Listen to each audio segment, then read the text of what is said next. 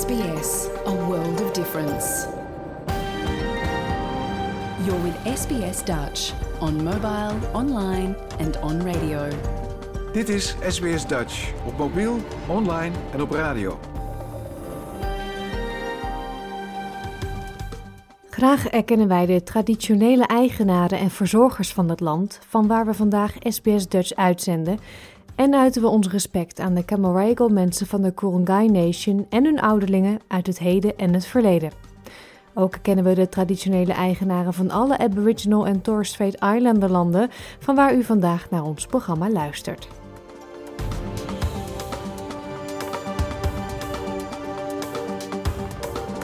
Een hele goede morgen. Mijn naam is Pauline Roesink en u luistert naar SBS Dutch, het Nederlandstalige radioprogramma van SBS. Het is vandaag woensdag 11 januari 2023 en de komende week hoort u hier bij SBS Dutch nog bijzondere, interessante en leuke verhalen van het afgelopen jaar. Zo bellen we in deze uitzending met Ilko Keij van Stichting Nederlanders Buiten Nederland over een mogelijke wijziging van de Nederlandse nationaliteitswetgeving. Met huisarts Richard van Hak praten we over lichaamstemperatuur. En Jessie Webb van de National Archives of Australia vertelt ons wat voor een pareltjes er allemaal in dat grote archief in Canberra is verborgen zitten. Maar eerst een bijzonder succesvol verhaal. Dit is SBS Dutch. Want wat hebben supermarkt Woolies, vliegmaatschappij Qantas en sportwinkel Rebel met elkaar gemeen? De logo's van al deze bedrijven zijn ontworpen door de Nederlandse branddesigner Hans Hulsbos. Hans is een van de beste in zijn vak en werkt al 40 jaar met de bekendste merken. Wij zochten hem op in zijn kantoor in Noord-Sydney.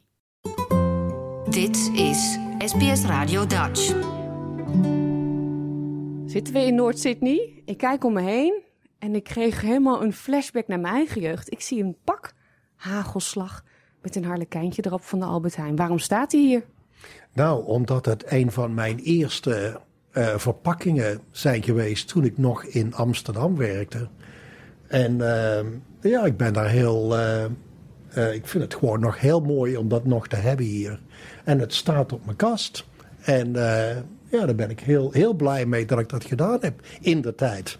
Ja, en het staat naast de fakkel van de Sydney Olympische Spelen 2000. Een Qantas vliegtuigen, allemaal mooie foto's, een oude tekening van toen u jong was. Um, een mooie award, een prijs. Small Business Entrepreneur of the Year, 1997. Dat is nogal wat. En dat uh, door een uh, Brabantse jongen. Ja, inderdaad. Ik kom dus uit Brabant. Ik kom uit Valkenswaard. En ben daar opgegroeid.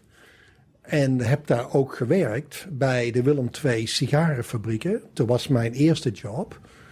Maar ik, werkte, ik merkte natuurlijk wel dat uh, om meer te leren moest ik wel uit Valkenswaard uh, vertrekken en naar Amsterdam te gaan. En dat heb ik dus gedaan.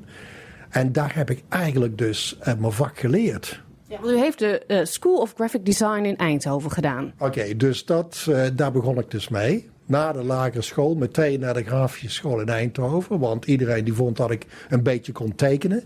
En uh, dus ik naar de grafische school. En daar heb ik, ik, heb, ik, ik heb gewoon een hele hoop geluk gehad in mijn, in mijn leven. Want op die school al had ik hele goede mentors. Bij, toen ik bij de Willem II werkte, had ik een hele goede mentor.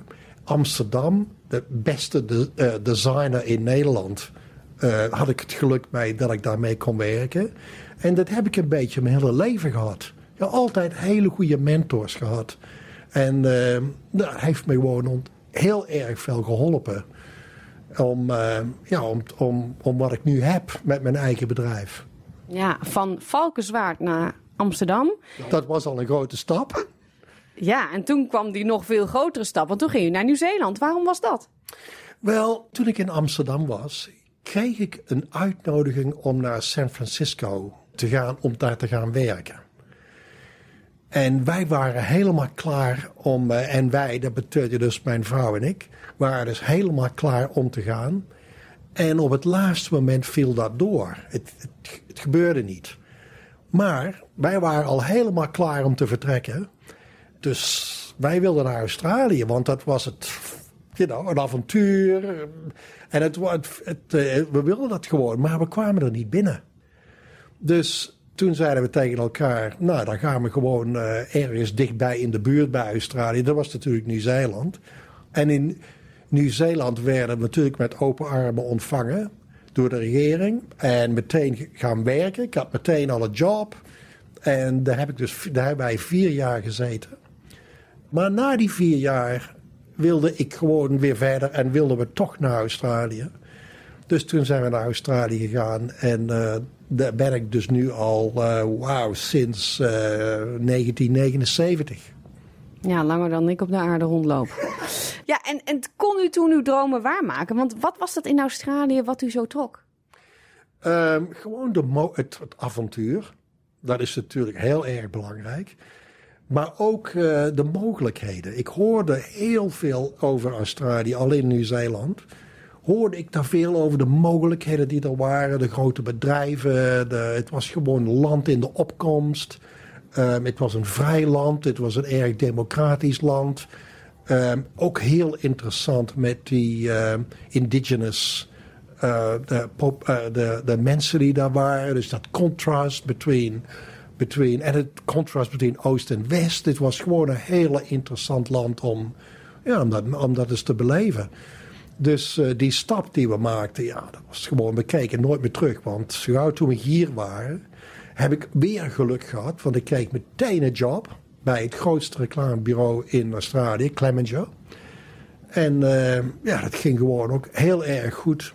Ik werd meteen daar creatief directeur. En uh, nou, dat heb ik dus voor een paar jaar gedaan. Totdat ik dus dacht, en heb ik dus altijd gedacht. Ik wil altijd mijn eigen bedrijf hebben. Altijd. Toen ik al 15, 16 jaar was, dacht ik daar al over van, van uh, daar, dat wil ik. Op een gegeven moment. En die mogelijkheid die kwam. Want zoals je dus weet, wij doen branding wij design brands.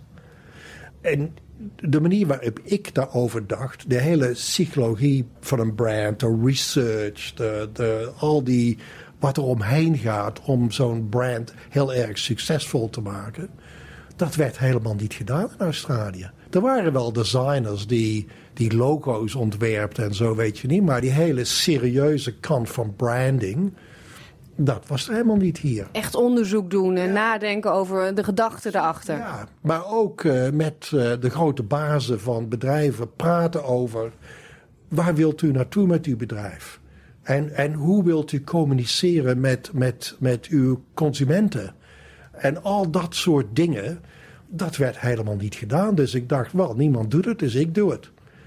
En zo ben ik eigenlijk begonnen. En uh, het mooie was, toen Qantas erachter kwam dat er iemand was die dat kon doen, kreeg ik meteen een telefoontje. En mijn eerste klant was dus Qantas. Ja, dat is toch niet te geloven? Kom je net kijken met een bedrijf? Ja, ik kwam net kijken en ik denk van, nou, uh, dat is heel apart. En uh, nog geen drie maanden later uh, Sitma Cruises, de hele grote P&O Cruises, you know, gedeelte van P&O Cruises. Dat is dus ook een Amerikaans uh, bedrijf. Meteen ook. En dus ik had meteen een hele hoop werk.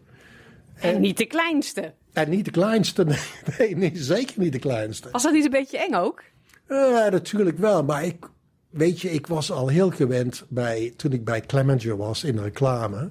Toen werkte ik al voor hele grote bedrijven, dus het was een beetje uh, makkelijker om uh, die, die stap te maken. En, uh, ja, en al die klanten die waren heel waarderend van wat ik deed met hun. En ze hadden ze nog nooit eerder gezien. Dus uh, ja, dat was gewoon heel apart. Want tot nu hebben wij altijd voor grote businesses gewerkt. En het is gewoon hartstikke leuk. En zoals je dus weet, zijn wij dit jaar 40 jaar oud als een business. I mean, can you believe it? Wordt het groots gevierd? Ja, natuurlijk wordt het groots gevierd. We gaan met z'n allen uit. We hebben een, met klanten en met uh, de staf hier. Dus het wordt heel gezellig. Uh, we doen het iedere vijf jaar. Hebben we een groot feest. Dus, uh, en natuurlijk deze keer ook. Ja, en ik heb er nog heel veel enthousiasme in. Ik, heb nog steeds, ik ben nog steeds zo enthousiast als de eerste dag. En ik blijf gewoon doorgaan tot, ja, tot dat ik er genoeg van heb. Ja, ik denk dat heel veel Nederlanders zich niet uh, realiseren. Uh, u noemt nu even zo Quantas. Ja, die kangeroe die iedereen kent, heel herkenbaar, komt van uw hand. Uh, het Woolies logo, daar zit u achter ook. Uh, Rebel Sport, Virgin Australia en ga zo maar door. Het zijn echt namen. Iedereen kent ze. Ja, en, en dat komt gewoon, uh, dat bouw je dus op over, de, over jaren, weet je niet. En, en ja, mensen die kennen je en die, je krijgt iedere keer weer een telefoontje van, kun je ons helpen? En branding is een hele important business voor bedrijven. Tegenwoordig. Vroeger was dat niet zo erg, want je had dus een product en dan verkoop je gewoon. Maar tegenwoordig is dat heel erg belangrijk, hè? of je een goede brand hebt. Want die grote bedrijven die willen natuurlijk laten zien aan hun klanten wat zij betekenen als een bedrijf. En dat is niet zo belangrijk als een heel goed logo te hebben, want dat zegt vaak instantly, you know, dat ben ik. En zo zie ik eruit. En, en, uh, en je kan heel veel invloed hebben. Want ik las dat de rebranding van Woolies het bedrijf heel veel goed heeft gedaan. Dat, dat heel veel mensen het meer kennen en dat het steeg in de ranking van, uh, van supermarkten, als ik het goed heb. Ja, dat klopt. En uh, dat was best wel een hele moeilijke job.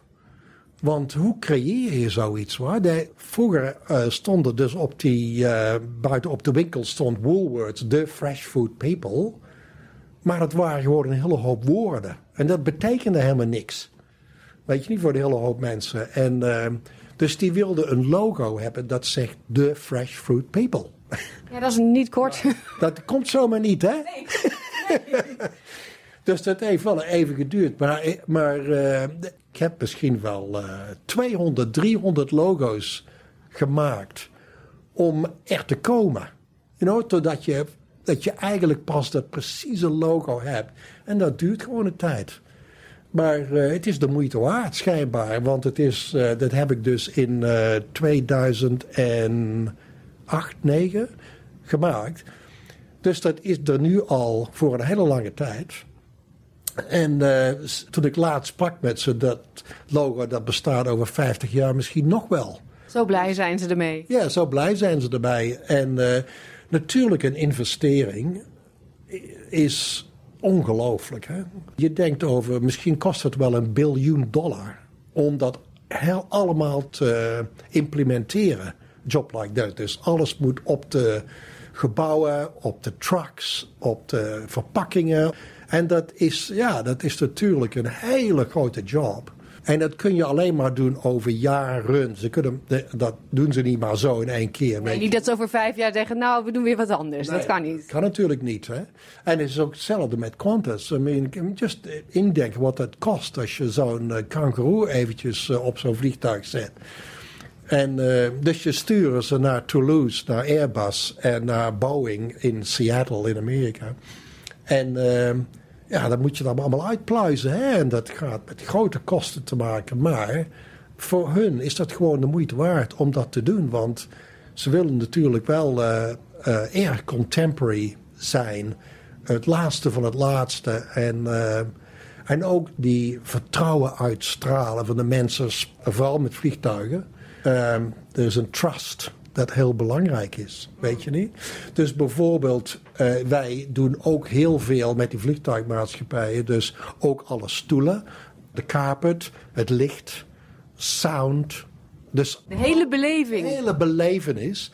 En dat moet allemaal, uh, noemen ze dat, dat moet allemaal een beetje hetzelfde zijn. Want dat bouwt een, een trust. Dat is gewoon van, uh, oké, alles hebben ze helemaal goed uitgeplozen, dus het is veilig. Mm, Dat is heel belangrijk, weet je niet? Ja. Wat is het geheim van een goede brand, van een goed logo?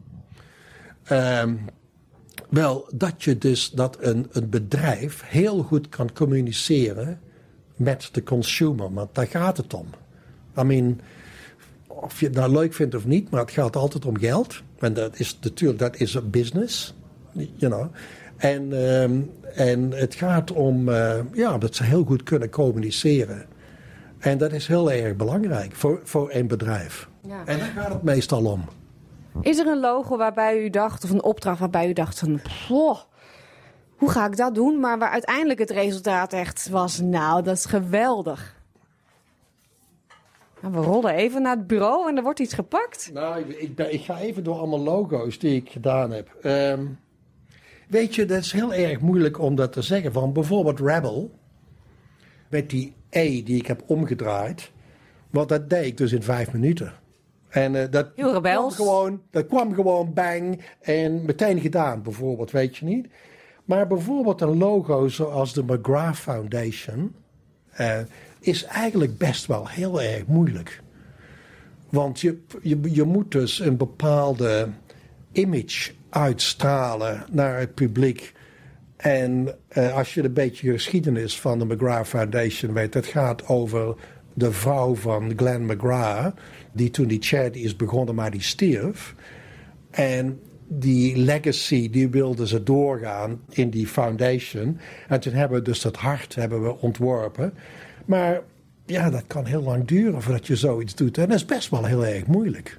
Ja, En soms is het, gaat het wel heel makkelijk en soms is het gewoon heel moeilijk om, het, om eh, zoiets te doen, weet je niet. Kidney Foundation, wat twee kidneys, dat is heel normaal hè. En de Starlight Foundation, ze- hetzelfde hè. Dus dat is meteen een star, kindje dat grijpt naar, die, naar dat star. Dat is allemaal een beetje makkelijk om te doen, als je het maar heel goed begrijpt wat ze eigenlijk willen uitstralen als een, als een bedrijf. ik zie, maar ik zie hier ook Taronga Zoo staan. Ik Ja, zie, Taronga eh, Zoo, dat was eigenlijk ook wel. wat- Want eh ja, Taronga Zoo is ook een... ehm wel, was best eigenlijk best wel moeilijk. Want wat doe je nu? Wat voor... Is het een, een dier? Is het niet een dier? Is het... En vroeger was het helemaal geen dier. En eh, wij vonden dus dat de platypus is zo een uniek eh, dier toen het voor de eerste keer naar Engeland gebracht werd, back, terug in de jaren in de 1800, dachten ze dat er gewoon twee dieren aan, elkaar geplakt waren, weet je niet. Dus het was gewoon een heel, heel apart dier. En dat is ook dus heel uniek in Australië. Dus maar dan kiest hij daarvoor en niet voor een koala, omdat dat dan weer te obvious is. ja, dat is te obvious, weet je niet. En de manier waarop het ook gedaan is, heel erg grafisch. Want eh, weet je wat ook is met een logo? Het is zo ontzettend moeilijk tegenwoordig. Hè? Alles wat je kijkt is op je mobile phone, oké? En die logo's die zijn allemaal tegenwoordig zo klein. Dat als jij een logo ontwerpt wat je niet kunt lezen op een iPhone, dan is het gewoon een mislukkeling. Dus het idee om een logo zo simpel te maken is ontzettend moeilijk. Want het logo moet toch communiceren van, hé, hey, dit ben ik. Maar het wordt steeds moeilijker, want die logo's die worden steeds kleiner. Dus je hebt dus die logo's, net als Woolies bijvoorbeeld, right? die moeten heel goed uitzien op een winkel. En dan zijn ze heel erg groot. Of op een truck die overal rond de straat rijden. Maar die moet ook gelezen kunnen worden, heel klein, op een mobile phone. Dus die combinatie is dus heel- ook op een truck die in één keer voem voorbij ja, raast. moet je toch meteen, moet je meteen kunnen, hè? kun je kunnen grijpen.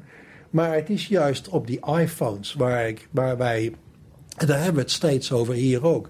Alles waar wij doen, ehm, ja, simplicity en eh, hou het simpel. Maar dat is best wel moeilijk. En dat is gewoon ervaring. Een hele hoop ervaring. Nou heeft u ook het logo eh, ontworpen voor 80 jaar diplomatieke betrekkingen. Nederland-Australië. Dat is weer even terug naar die Nederlandse roots. Hoe vond u dat? Ja, de- heel apart. Ik kreeg dus een telefoontje van de ambassadeur en, eh, en eh, zij zei, eh, ze vroeg of ik dat wilde doen. En eh, ja, natuurlijk meteen.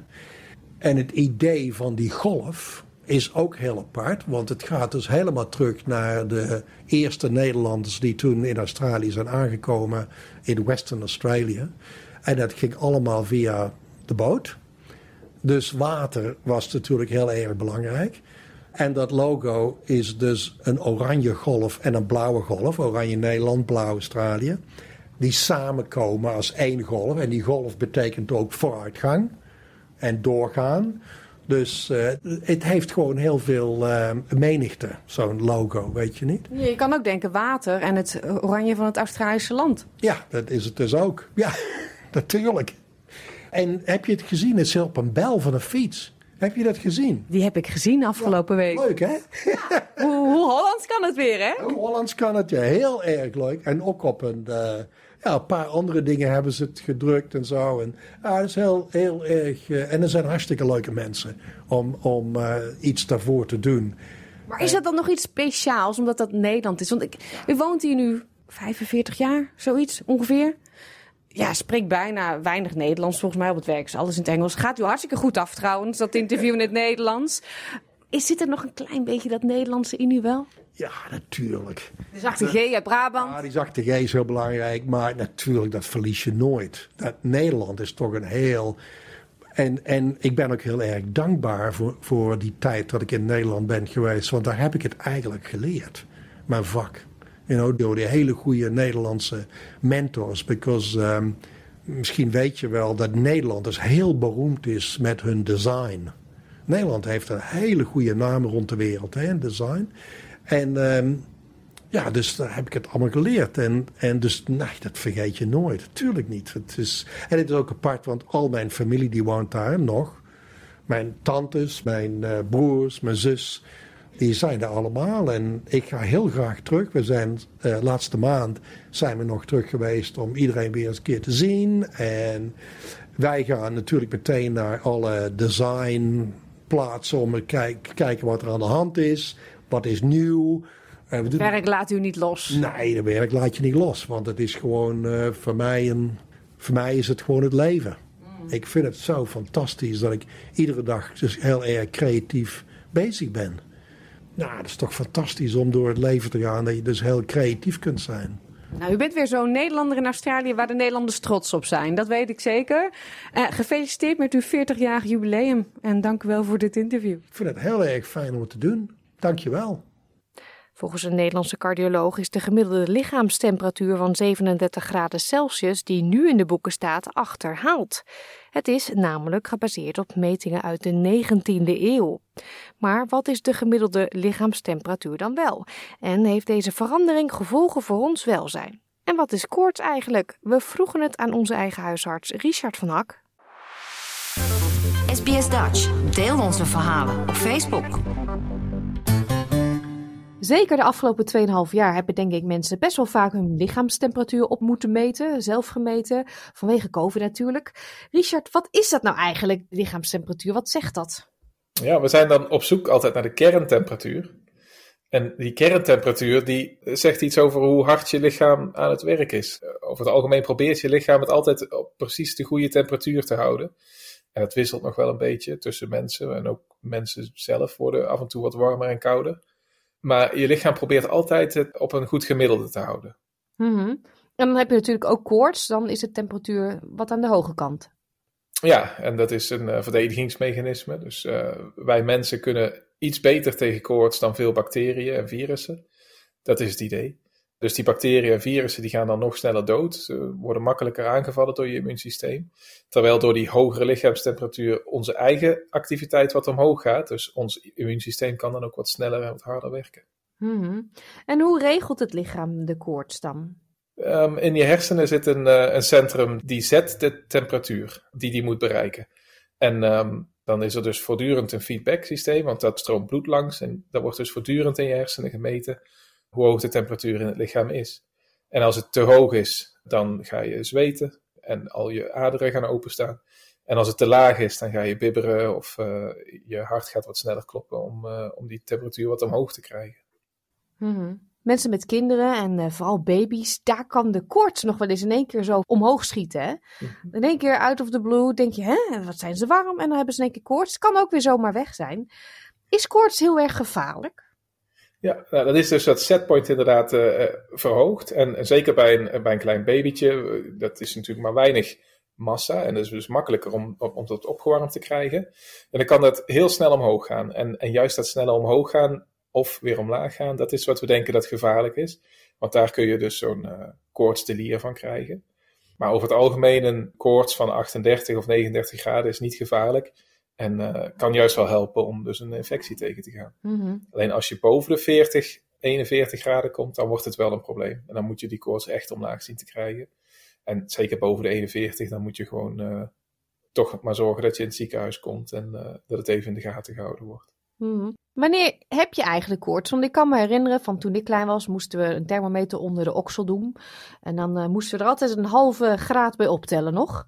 Ik weet niet waarom dat was. En dan uh, 37,5. Sommige mensen vinden dat al koorts. Uh, mijn moeder zei altijd 38 en hoger, dat is echt koorts. Mm -hmm.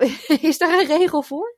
Ja, nou ja, dat, die 37,5 en 38, dat is inderdaad een beetje een grijs gebied. Daartussenin ja, kun je wel een beetje praten van verhoging of uh, uh, low-grade fever in het Engels. Maar eh, daar doe je nog niet zo heel veel mee. Dat is voor ons als arts in ieder geval een indicatie van, nou, er is misschien wel iets aan de hand, maar helemaal zeker weet je het dan niet. Boven de 38 heb je zeker weten koorts. Hmm. Maar er zijn ook mensen die bijvoorbeeld als ze een flinke inspanning leveren, ook een temperatuur hebben van 38 of 38,5. En bij echte marathonrenners wordt soms ook wel eens 40 graden gemeten aan het eind van de marathon. Wauw, en dan zit het lichaam zo hard aan het werk dat hij een beetje oververhit raakt. Ja, dan kan hij de hitte niet uh, snel genoeg kwijt. En dan is het setpoint is dus nog wel steeds 37 of, of nog minder. Alleen je lichaam kan het niet snel genoeg kwijt. Dus je gaat heel hard zweten en uh, al je vaten gaan openstaan om te proberen om dat kwijt te raken. Maar ja, als jij uh, met 30 graden een marathon aan het rennen bent, dan raak je dat gewoon niet snel genoeg kwijt. Nee, nee. Een paar maanden geleden, en toen appte jij mij ook, toen was er in het nieuws dat de gemiddelde lichaamstemperatuur, dat dat eigenlijk een beetje achterhaald is. Dat dat steeds lager wordt. Hoe komt dat? Ja, dat klopt. In 1850 hebben ze, of heeft één arts met een heel antiek thermometer, uh, heeft hij een enorm onderzoek gedaan, 25.000 mensen gemeten. En toen kwam hij op een temperatuur van 37 graden. En dat is eigenlijk blijven hangen, die 37 graden, tot in 1980 ongeveer, hebben ze daar nooit meer opnieuw onderzoek naar gedaan. Maar toen dachten ze, klopt dit eigenlijk wel? En uh, toen hebben ze nog een keer uh, onderzoeken gedaan, ook in de decennia daarna. En toevallig afgelopen jaar hebben ze dus al die onderzoeken eens gebundeld. En zagen ze dat bij ieder onderzoek die temperatuur een beetje lager werd. Ja, en dat is inmiddels wel een bewezen feit dat we dus steeds kouder worden. En is daar ook een verklaring voor?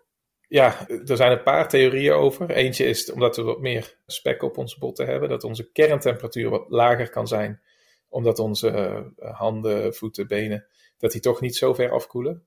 En het tweede is dat er gedacht wordt dat er vroeger in ieder geval veel meer chronische infecties voorkwamen, waardoor je wat warmer bleef. En het derde is dat de mensen vroeger ook een stuk actiever waren. En als je gesport hebt, dan heb je de volgende dag ook nog een iets hogere temperatuur. Dus als je vijf dagen of zeven dagen per week uh, op het land of in de fabriek werkt, dan, uh, ja, dan blijf je altijd wat warmer dan wanneer je op kantoor zit, bijvoorbeeld. Mm. Ja. Nou weten we dat uh, de aarde opwarmt. Dat is een groot probleem. Is het ook een probleem dat onze lichaamsthermostaat naar beneden gaat eigenlijk? Ja, die, die lichaamsthermostaat van ons die staat dus op ongeveer 36,5 graden. Heel veel dieren zitten een beetje daar omheen. Kippen bijvoorbeeld, die worden 41 graden en uh, vleermuisjes ook uh, 41, 42. Honden zijn ook iets warmer dan wij en die hebben dus ook wat minder last van infecties. En dat komt omdat heel veel schimmels, virussen en bacteriën die zijn ook te vinden in uh, oppervlaktewater, uh, zeeën, meren, rivieren. En ja, als die warmer worden, dan gaan die bacteriën en virussen zich dus steeds beter aan kunnen passen aan warmere temperaturen. En we zien dus nu ook schimmels die uh, voorheen nog niet bij de mens voor konden komen, die nu bij mensen met een wat minder immuunsysteem al problemen beginnen te geven. Mm. En de verwachting is dat als die wateren gewoon op blijven warmen, dat dat een, toch een groter probleem wordt in de toekomst. Mm -hmm. Ja, nou kom ik eigenlijk weer terug uh, op de vraag van een paar uh, minuten geleden. Wanneer heb je koorts? Als je lichaamstemperatuur naar beneden is gegaan eigenlijk, is die 37,5 dan nog wel de goede graadmeter? Ja, in die onderzoeken zeiden ze van uh, we moeten onze thermometers of ons, ons beleid er niet op aanpassen. Want als ons lichaam dus ziek wordt, ja, dan gaat dit wel boven die 38 graden. Dus de setpoint van je lichaam, als je echt ziek bent, is nog steeds 38 graden of hoger. Ja, en de meest gehoorde uitspraak over uh, koorts is uh, als er een patiënt binnenkomt en uh, die zeggen heel erg vaak: Ja, dokter, als ik 37 graden heb, dan heb ik al koorts, want ik ben altijd 35 graden. maar ja, zo werkt het dus niet helemaal.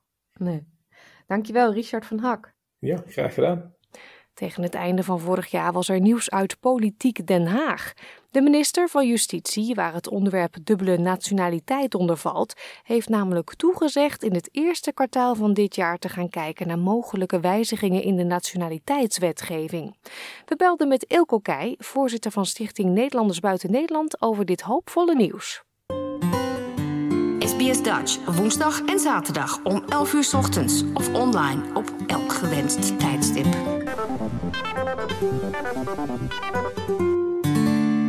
Ilko, begin oktober was het, hebben jullie een uh, online discussie uh, georganiseerd met Kamerleden en dat ging over de dubbele nationaliteit. Want ja, wij willen natuurlijk allemaal wel eens weten waarom is het nou allemaal zo moeilijk en waarom kan het niet veranderen. Er is nu een update, hè?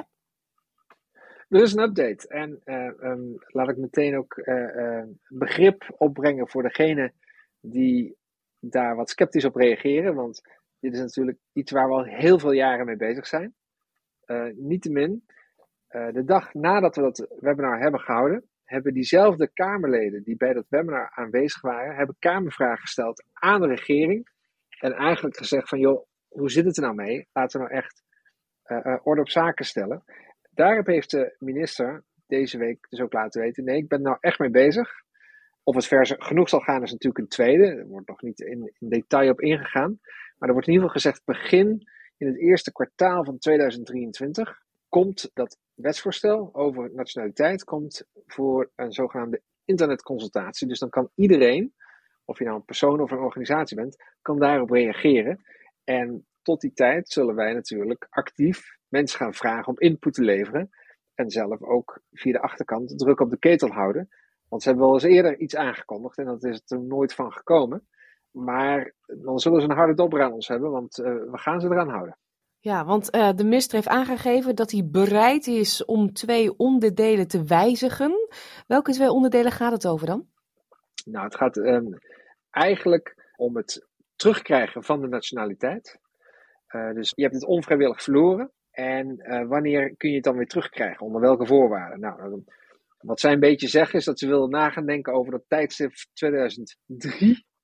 Nou, dat hebben we dus ook meteen in de nieuwsbrief aangegeven van, niet met zoveel woorden, maar van het teruggeven van je nationaliteit moet volledig onafhankelijk zijn van een zelfgestelde datum. Want ja, ik weet niet hoe, hoe jij het ziet, maar mensen die het in 2002 hebben verloren, en mensen die het in 2004 hebben verloren, die hebben er evenveel last van. En het is even pijnlijk voor hen. Dus dat lijkt me een beetje uh, arbitrair. Ja. En het tweede punt waar wij zeggen van nou, hier moet echt nu op worden doorgepakt.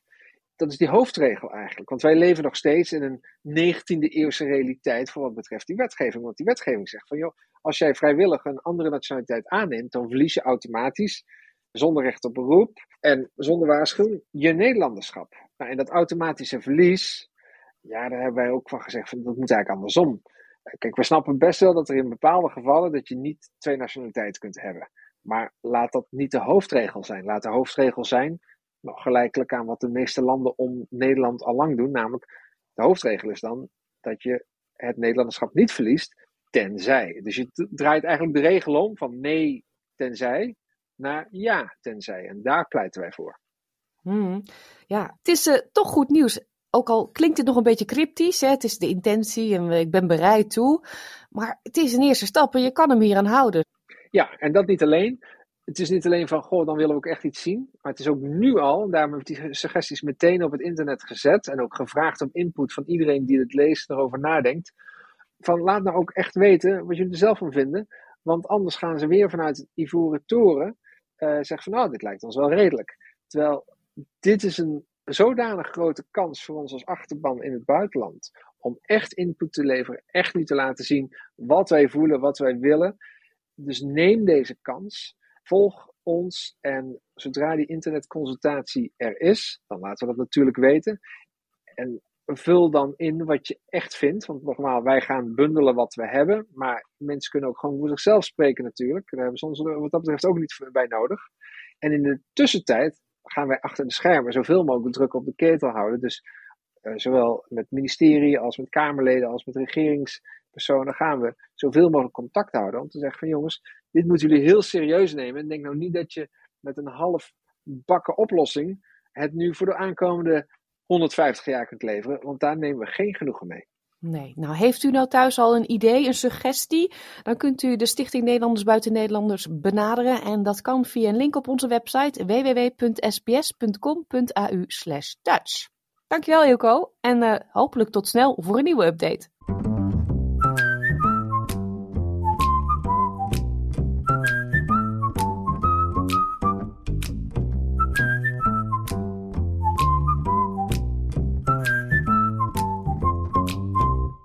Boekje vol met honderden grappige en soms rake stukjes taal waar je om kunt glimlachen en soms zelfs hardop om moet lachen. Frans Hertogs ontdekte zo'n boekje en een website waar je je hart aan kunt ophalen. En onze taalman adviseert om daar zelf ook eens lekker mee te gaan spelen.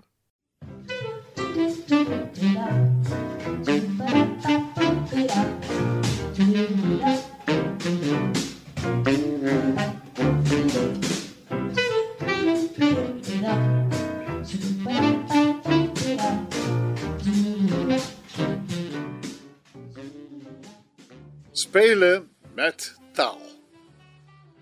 Mensen gebruiken taal om gedachten en gevoelens uit te wisselen met anderen. Meestal doen ze dat in gesproken taal. Voor geschreven taal ligt dat toch wel even anders. Uh, verhalen, gedichten, kranten of boeken, ze krijgen meestal maar weinig reactie op hun tekst. En in elk geval pas veel later. Maar dat gaat dan meestal via andere wegen, zoals commentaar, verkoopcijfers, bekendheden en onderscheidingen. en soms, soms vinden schrijvers het niet erg om onbekend te blijven. En een sterk voorbeeld daarvan is een schrijver die zich bekend maakt als KD Bruin. Ja, die zul je niet onder die naam vinden, want zijn eigenlijke naam is waarschijnlijk De Bruin. En daar zijn er tegenwoordig in Nederland meer dan 17.000 van. Eh, hij of zij komt met kleine doordenkertjes zoals Iemand moet altijd de wijste zijn, maar ik niet. Ik ben wel wijzer. Aardig gevonden. Wijs, wijzer, wijste. De vergrotende trap is namelijk nog wijzer dan de wijste. Nou, en geestig vind ik Echte trekkers zijn nooit lang op hun gemak. Zij moeten weer snel doortrekken. Nou, en hier hebben precies dezelfde woorden gemak en doortrekken twee totaal verschillende betekenissen die elkaar rotsvast versterken. Wel, K.D. Bruin schreef in de jaren 70 een aantal kleine boekjes die op een aparte manier spelen met onze taal. Het boekje 1977 derde druk staat bij mij in de kast en het heeft als titel Het is me je taaltje wel. Wat een variatie is op een uitdrukking die je wel eens hoort, bijvoorbeeld in Het is me het taaltje wel. En het verschil tussen dat taaltje en jouw eigen taaltje, dat is verrassend groot. Wel, het onderschrift luidt verkrijgbaar in goedige boekwinkels, een verhaspeling tussen goede boekwinkels en goedige boekverkopers. Nou, het boekje is vol verhaspelingen, soms vergezocht of zelfs zouteloos. Maar ja, dat mag best, hè. Eh, het gevoel voor humor is voor iedereen verschillend. Denk aan Cotembi, Dr. Anders P. en Herman Vinkers. Ja, daar valt altijd volop te genieten voor de taalliefhebber. Maar anderen vinden er niks aan. Nou, hier komen bijvoorbeeld nog een paar leuke cadeetjes die ook nog goed raak zijn. Dit is het land waar miljoenen Nederlands spreken, zegt KD. Jazeker, de uitspraak is Nederlands spreken, maar er staat Nederlands spreken. Ja, en dat is een fraaie voltreffer. En soms, soms gaat het over een dubbele betekenis van woorden die dan toch net even een verschillende betekenis hebben. Wij zijn niet gezien bij de buren. Maar toch zien ze alles bij ons. Tja, nou, dat is ook leuk, hè? Maar soms is er echt een rake opmerking verscholen, zoals in verkeersopvoeding. Proberen de kinderen verstandig te maken, zodat de volwassenen zich als idioten kunnen blijven gedragen. Ja, je ziet het. Het zijn geen lichte versen, maar ze geven op dezelfde manier een frisse kijk op alledaagse stukjes taal. Interessant? Nou, ga dan zelf ook eens even neuzen in het werk van K.D. Bruin. Wie in Google KD Bruin intypt, die kan genieten van honderden leuke of rake verhaspelingen. Zoals voor elke heer minder is er meer hinder in het verkeer. Wel, er is een kans dat je het allemaal vergezocht vindt, of gekunsteld, of zelfs zouteloos. Maar ik durf te wedden dat als je ze leest, dat je er een paar tegenkomt waar je om moet glimlachen of zelfs grinniken. En wie weet zelfs lekker lachen. En dat hebben wij toch meer dan ooit nodig in deze dagen. Wie weet ga je zelf ook nog wel eens op zoek naar de vermakelijke kant van onze taal. En stel je voor dat je spelenderwijs ontdekt dat je het leuk vindt, het spelen met taal. Ik dank u wel. Wist u dat het National Archives of Australia een rijke collectie Nederlands-Australische documenten bezit? Jessie Webb werkt voor het Nationale Archief in Canberra en verzorgde vorig jaar een online seminar speciaal over dit onderwerp. Wij belden haar om te vragen wat voor een soort Nederlandse documenten er zal te vinden zijn in het archief en hoe je daar toegang tot kunt krijgen. Jouw gemeenschap, jouw gesprek, SBS Dutch. Jesse, you work for the National Archives of Australia. What kind of documents and records can be found in this archive? Yeah, that's right. We're the archive of the Commonwealth Government of Australia, so that means that top federal, national level of government. Um, and we hold records mostly from 1901 at Federation, although a few from before that, of all of those major things that the Commonwealth government does. So, like uh, migration, foreign policy, military, um, copyright, patents, uh, a whole wide variety of things. Things, basically, the records that are created by Commonwealth government departments and agencies, and um, about their decision making and about their interactions with people. Yeah, and the Dutch um, came to Australia. I say 50s was the time period that most people came just after the war, and you've got a lot of Dutch-related records in the archive too, right? Yeah, we really do. Um, a lot of the Dutch people who came to Australia in the 1950s and onwards came under assisted passage schemes where they received some support from the Dutch and Australian governments to come to Australia. So we have like the application files from when they applied to come here. We also have um, passenger records, like their name on a ship's list or the card that they filled out um, when they arrived in Australia, which is called a passenger card if they arrived a little later. Um, if they went on to be naturalised, we would have their applications to become Australian citizens and anyone who served in the Australian military as well, we would have those records as well. So we have a really wide variety of records about Dutch people who migrated to Australia. Mm-hmm. Did you also get um, personal items from people, from families that found some uh, great photos, for example, and that donated it? We tend not to because we are a government archive. Most of what we have is actually strictly the records that have come to us from the government agencies. So we do have a very big photo collection, but it's a photo collection because there were photos taken by government photographers. Um, so most of what we have is of that governmental aspect. So it captures the the interactions that people had with the government rather than the more personal stuff. But it can still be really useful for helping people find what their history is. Yeah, and things still getting at. So for example, I became Australian in 2021. In 50 years, can people find my application there? Yeah, we um, we do take in records from government departments constantly. Um, they become they come into what's called the open period after 20 years. So that's the period after which people can apply to look at records. Um, but yeah, we are still taking records in from government departments all the time, and we we are now releasing records from 2000 2001. So yeah. Oh, That's interesting. I didn't even realize that. I will be part of the archive one day. Yeah. yeah. Um, so you hosted a webinar um, recently about, yeah, about what? Can you explain it in your words?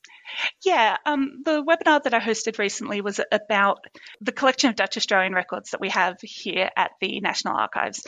And it was part of an ongoing um, project that we've had over the last four or so years where we've um, been working in association with the Netherlands Embassy here in Canberra, um, along with the National Archives in the Netherlands and a couple of other organisations there, on identifying Dutch and Australian shared cultural heritage material in our collection and identifying records and digitising them and sort of making them more available and finding out the stories that we can tell from them.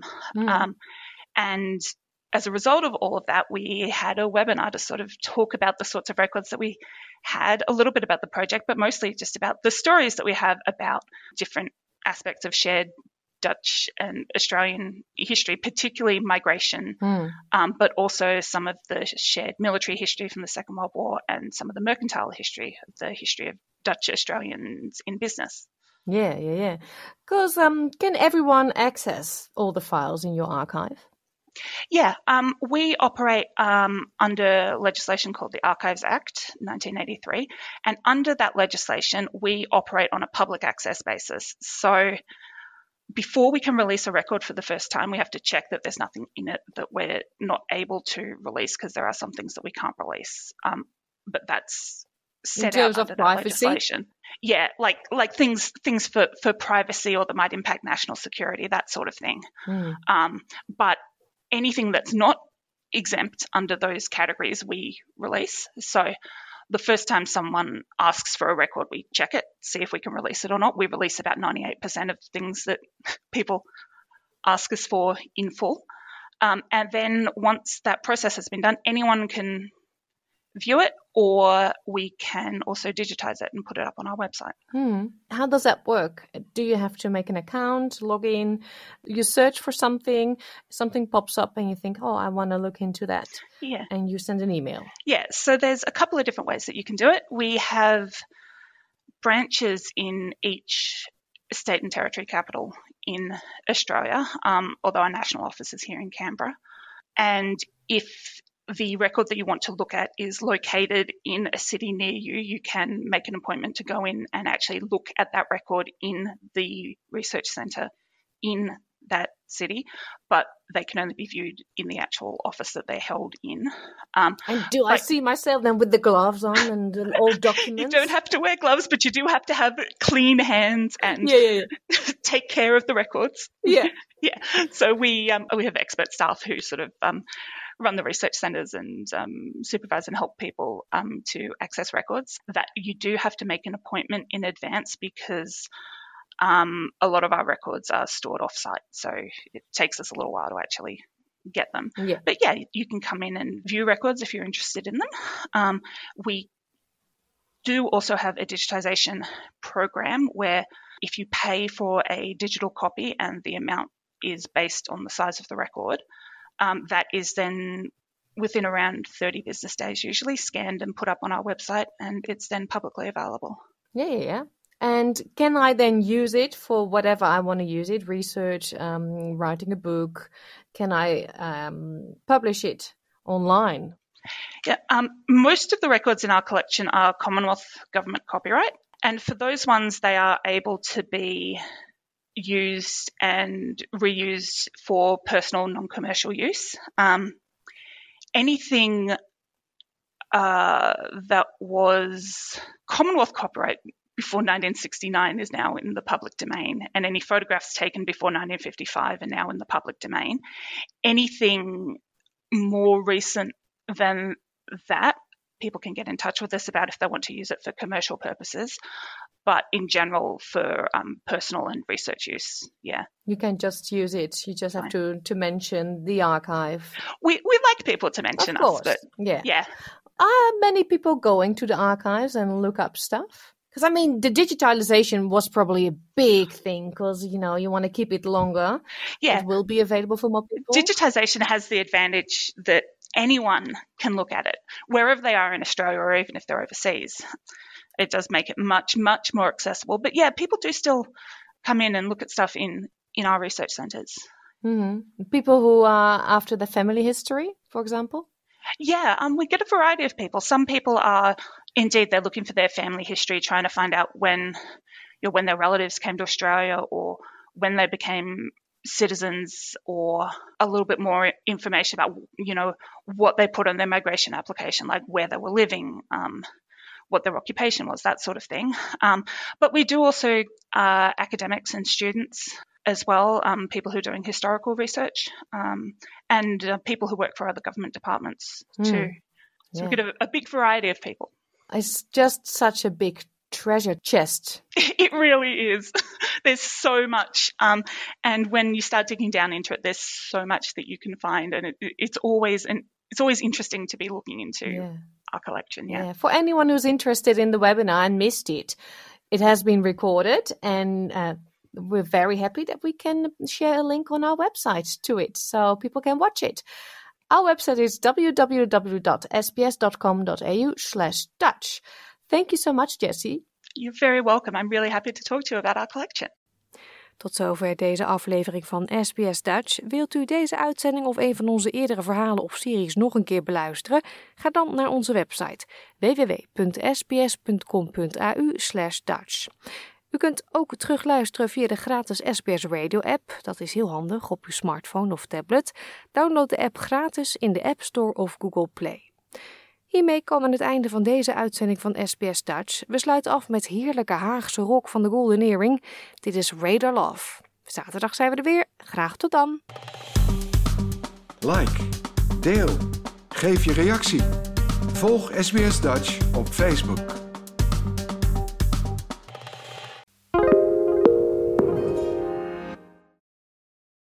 SBS is Australia's most trusted multilingual broadcaster. Our listeners are loyal, highly engaged, and have supported countless local businesses. We offer advertising packages for businesses of all sizes. Our experienced sales team will guide you through the process of owning a great campaign. Bring your own ad or have our production team make you something in one of our 68 languages. Start the conversation with your new audience today. Email sales at sbs.com.au.